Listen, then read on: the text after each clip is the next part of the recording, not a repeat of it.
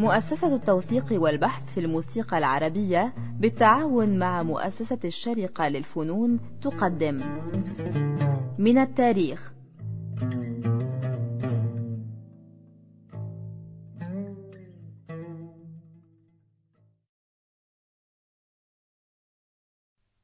أصدقائنا المستمعين أهلا وسهلا بكم في حلقة جديدة من برنامج من التاريخ. نستكمل فيها الحديث عن عبد الحمولي وإحنا في منطقة عاطفية جدا في حياة عبد الحمولي وعلاقته مع ألمظ ويستكمل معنا الحديث الأستاذ الدكتور فريدريك لاجرانج.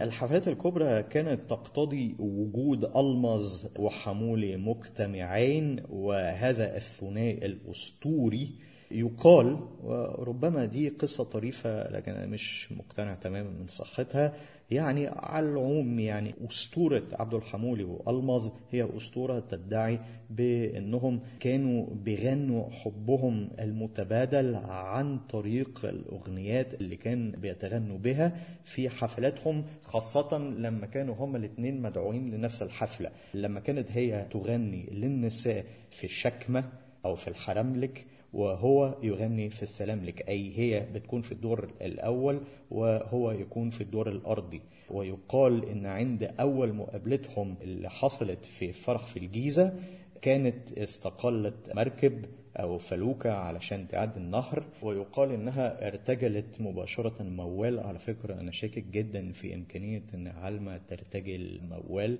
على العموم يعني يقال أنها قالت عدي يا المحبوب تعالى وإن ما جيتش اجيلك أنا وإن كان البحر غويت عملك على القلب. اساله أيوه. يبدو أن نواياهم إزاء بعض توضحت عندما تغنت المظ أثناء فرح في حي الجمالية. رد يلي تروم الوصال وتحسبه أمر ساهل. ده شيء صعب المنال وبعيد عن كل جاهل. إن كنت ترغب وصالي حصل شوية معارف علشان حرارة دلالي صعبة وانت اللي عارف. وعبد الحمولي رد عليها روحي وروحك حبايب من قبل العالم والله وأهل المودة قرايب سلمى مع سالم. مع إنها مش جاية على القافية. على فكرة هذا اللحن ما تسجلش خالص حتى العوالم في بداية القرن العشرين ما سجلوش هذا اللحن. ولكن عندنا تسجيل لهذا اللحن طبعا ما هوش اللحن الأصلي هو بصوت ورد الجزائري وتلحين فريد الأطرش. أنت إيه رأيك في اللحن ده؟ على فكرة اللحن ده هو اللحن الوحيد في هذا الفيلم تقريبا اللي مشابه أو متاخد على القليل المذهب بتاعه من القرن 19 يعني مستوحى من روح مزيكة القرن القرن 19 19 لأن كل أغاني الفيلم التانية حدثية يعني نسبيا. حدثية وكارثة واقع. أنا من رأيي إننا نكسر القاعدة بتاعتنا ونعمل استثناء وغالبا هيكون الاستثناء الأول والأخير وإننا نسمع صوت وردة وتلحين فريد الأطرش. في أغنية روحي وروحك حبايب من قبل ده العالم والله والكلام التاني أنا مش عارف مين اللي مألفه أعتقد مأمون الشناوي.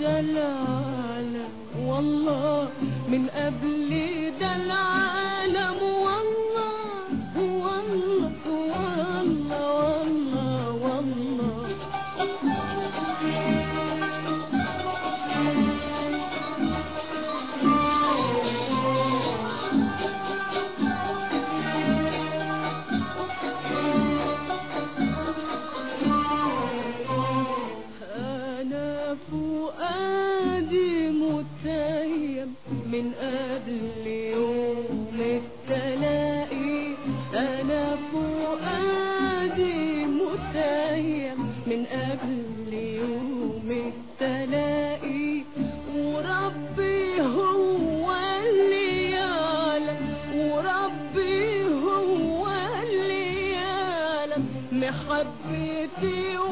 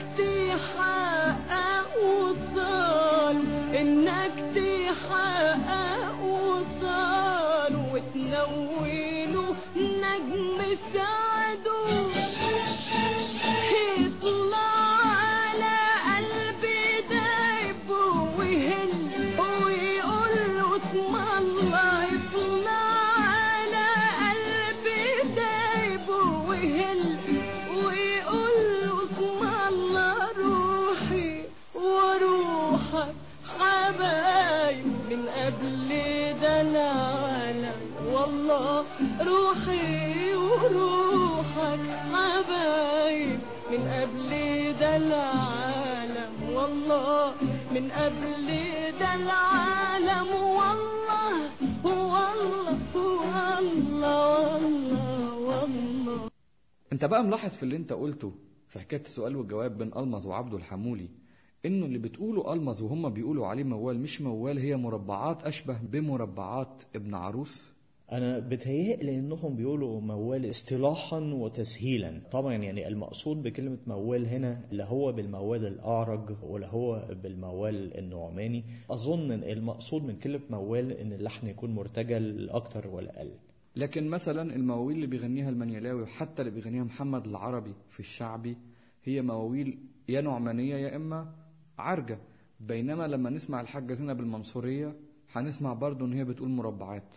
وربما يكون هذا دليل على التمييز ما بين الحصيلة النسائية حصيلة المطربات وحصيلة المطربين. إنهم يعني كان الغناء بينهم مختلف لدرجة إن الستات ما كانوش بيغنوا نفس المواويل. ال- بين قوسين تبع الموسيقى الفصيحة والعالمة اللي ممكن نلاقيها في الأصوات الحريمي في هذه الفترة. لغاية ما ابتدت الستات في بداية القرن العشرين أو ربما ده حصل من القرن التاسع عشر إنهم يغنوا نفس حصيلة الرجالة. أظن ده على حسب مستوى المطربة على حسب مستوى العلمة لأنه عندنا مواويل بصوت بامبا العوادة وأسماء الكمثرية كتير مواويل عادية. بالظبط يعني هي نفس المواويل اللي بيغنيها سيد الصفتي أو عبد الحي حلمي أو يوسف المنيلاوي عازف العود العواد محمد الشربيني قال لقسطند رزق في كتابه إن عبد الحمولي والمز دعيا هما الاثنين لحفله منظمة من قبل تلاميذ الكلية العسكرية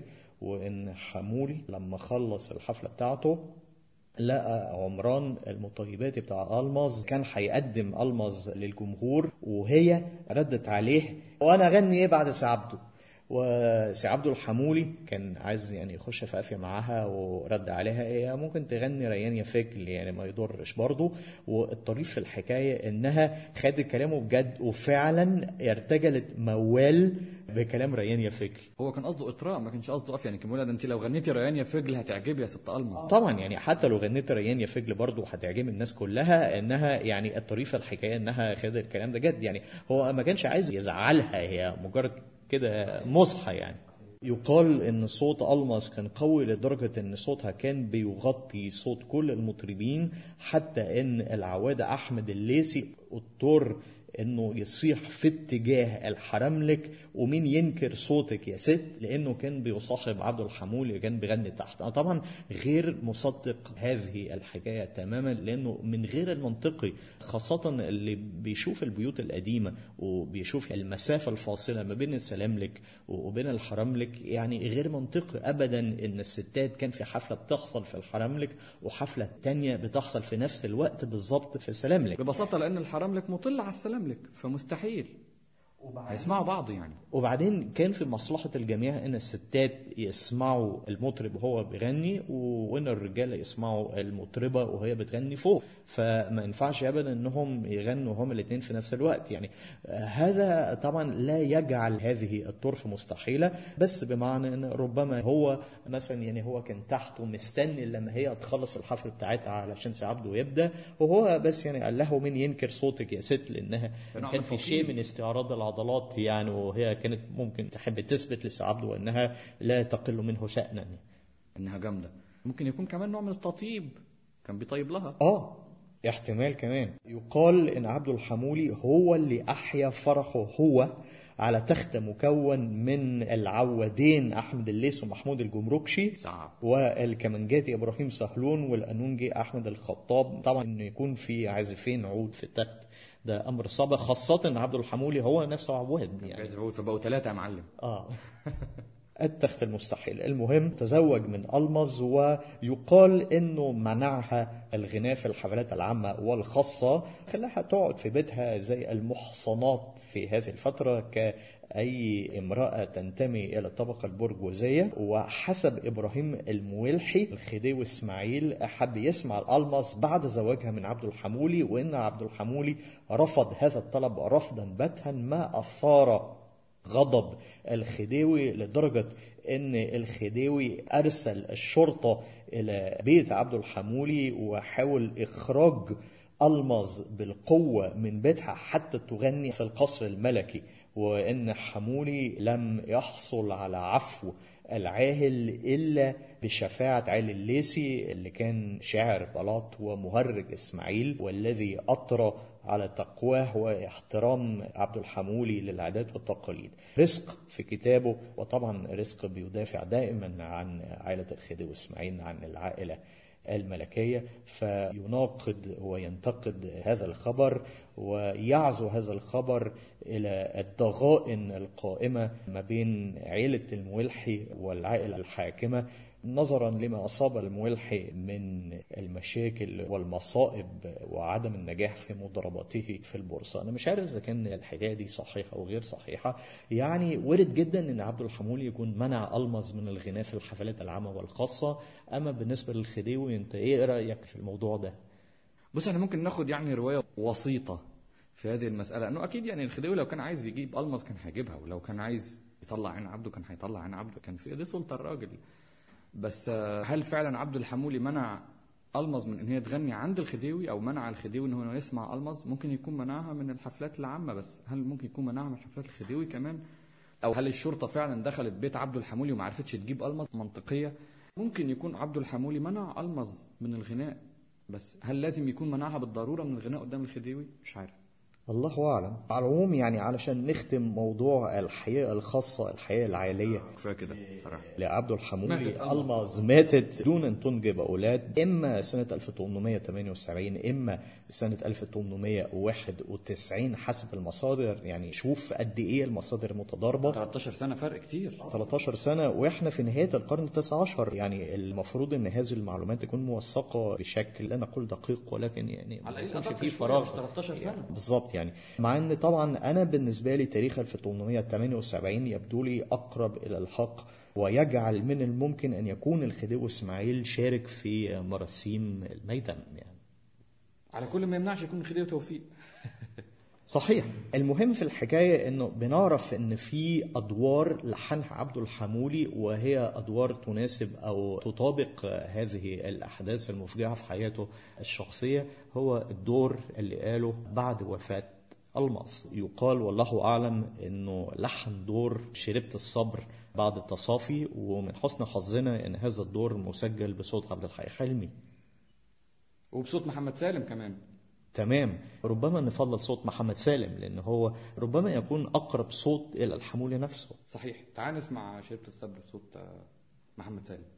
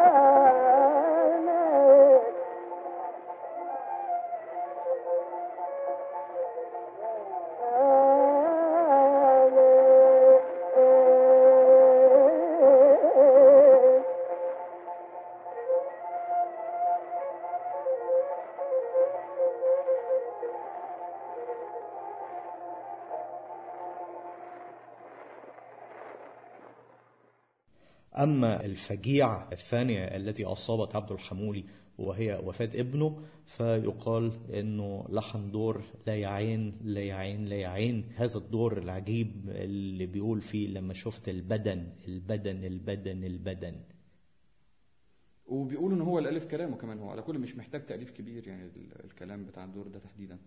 بس يقال إن هو اللي مؤلف كلامه وإنه ارتجله لما مات ابنه في فرحه يوم فرحه.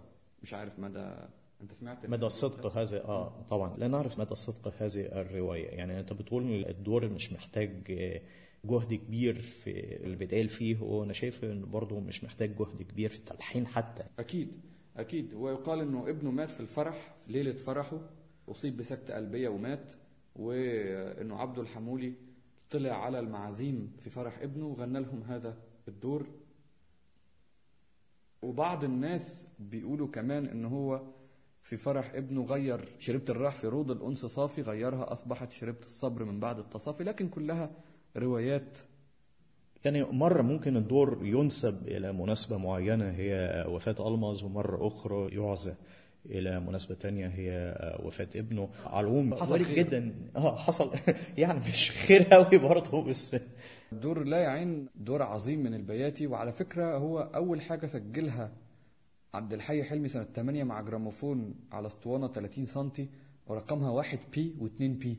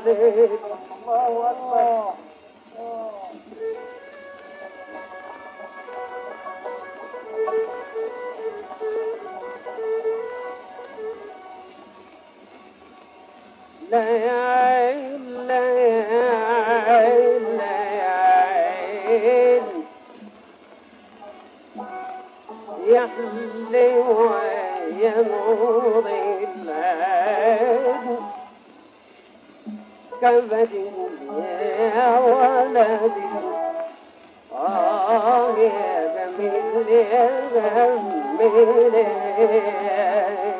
جميل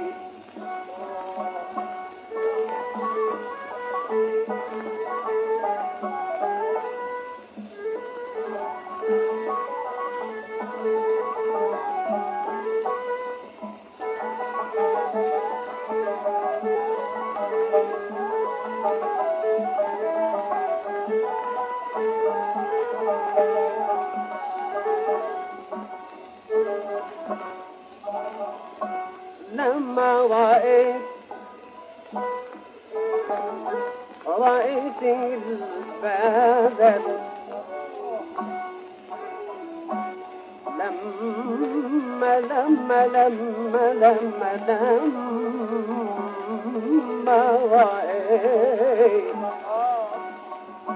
لما رأيت لما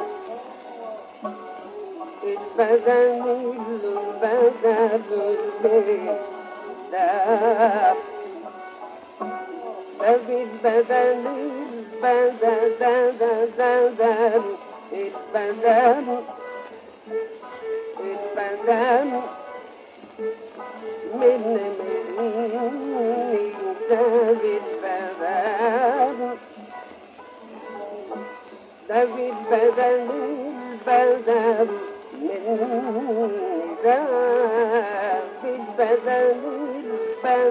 البدل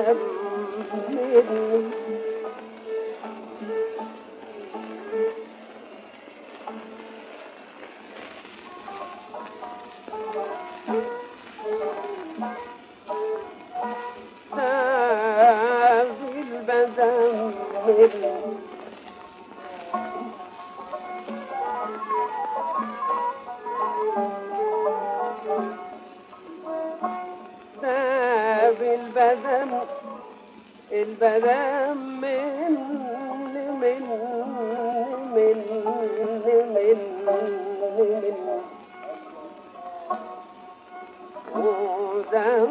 ودمعين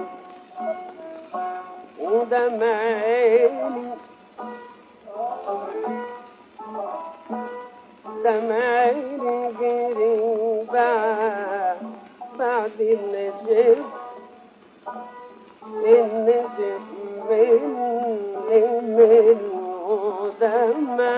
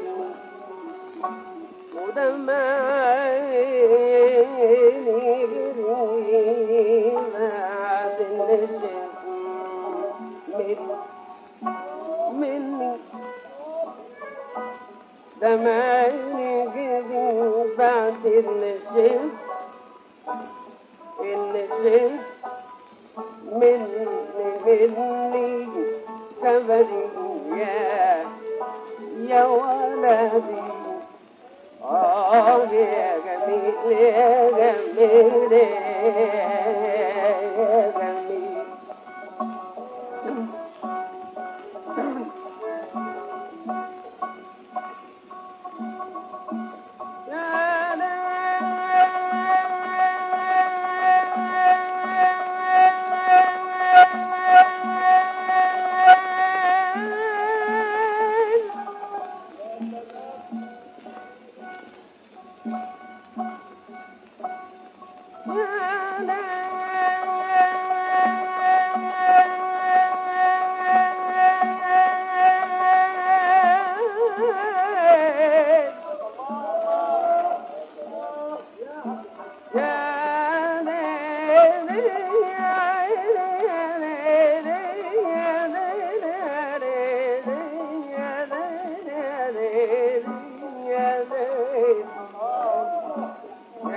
le le le le le le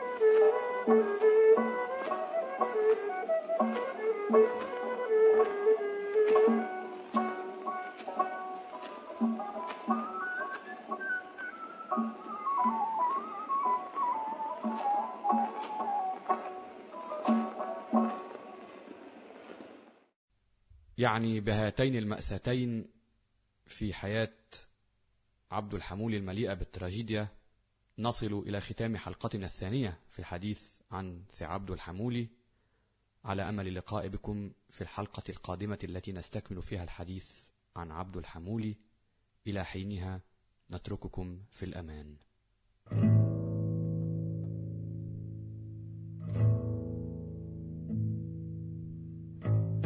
من التاريخ.